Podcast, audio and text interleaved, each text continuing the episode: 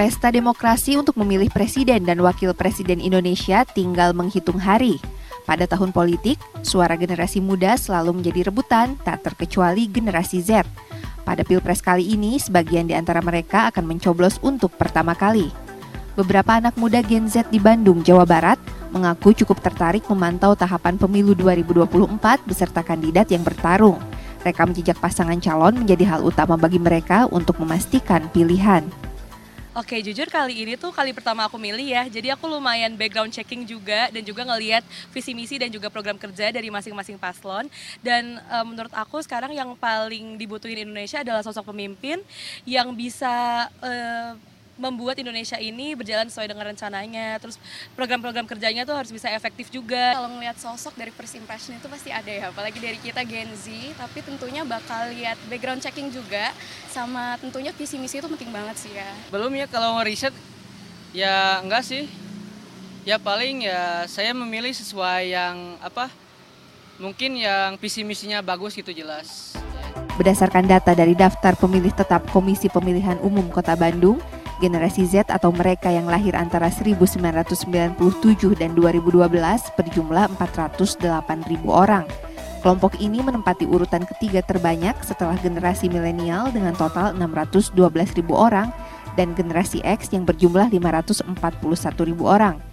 KPU Kota Bandung melakukan sejumlah upaya untuk meningkatkan partisipasi pemilih muda, terutama Gen Z. Di Kota Bandung, pemilih muda atau Gen Z itu kita sudah melakukan pemutahiran ya pada saat 2023 lalu yang sejumlah kurang lebih 408 ribu atau kalau dipresentasikan itu sekitar 21 persen.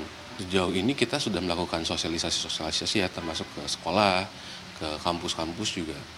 Eh, kita selalu melakukan sosialisasi untuk meningkatkan meningkatkan uh, apa partisipasi dari pemilih itu sendiri. Hmm, hmm uh, dari medsos juga kita selalu apa mensosialisasikan juga untuk uh, ajakan memilih pada saat nanti 14 Februari.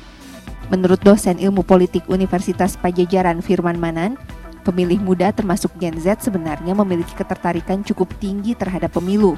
Namun ketertarikan tersebut belum tentu akan menjadi dorongan untuk ikut memilih pada 14 Februari nanti. Ia mengatakan butuh usaha ekstra dari partai politik dan para kandidat agar pemilih muda mau memberikan suara mereka pada pemilu nanti. Apalagi saat ini citra partai politik dinilai buruk dengan banyaknya kasus korupsi. Hal ini membuat anak muda enggan berpartisipasi dalam pemilu. Saya pikir ada tiga hal ya yang membuat pemilih muda itu akan tertarik. Pertama adalah isu-isu yang dekat dengan anak-anak muda, misalnya isu soal pendidikan, isu soal lapangan pekerjaan. Kedua, isu-isu yang terkait dengan values, dengan nilai. Karena anak muda itu kan punya idealisme. Misalnya isu soal korupsi. Yang ketiga, isu masa depan. Karena masa depan kan punya anak muda. Nah, misalnya soal lingkungan hidup. Firman menambahkan, selain isu yang dibahas, sosok atau figur kandidat yang dekat dan menginspirasi juga penting untuk menggait suara generasi muda. Selain itu, dibutuhkan upaya untuk meningkatkan kesadaran mengenai pentingnya pemilu bagi demokrasi Sebab di kemudian hari, generasi muda inilah yang akan merasakan dampak kebijakan yang dibuat oleh pemimpin terpilih. Tim Liputan CNN Indonesia, Bandung, Jawa Barat.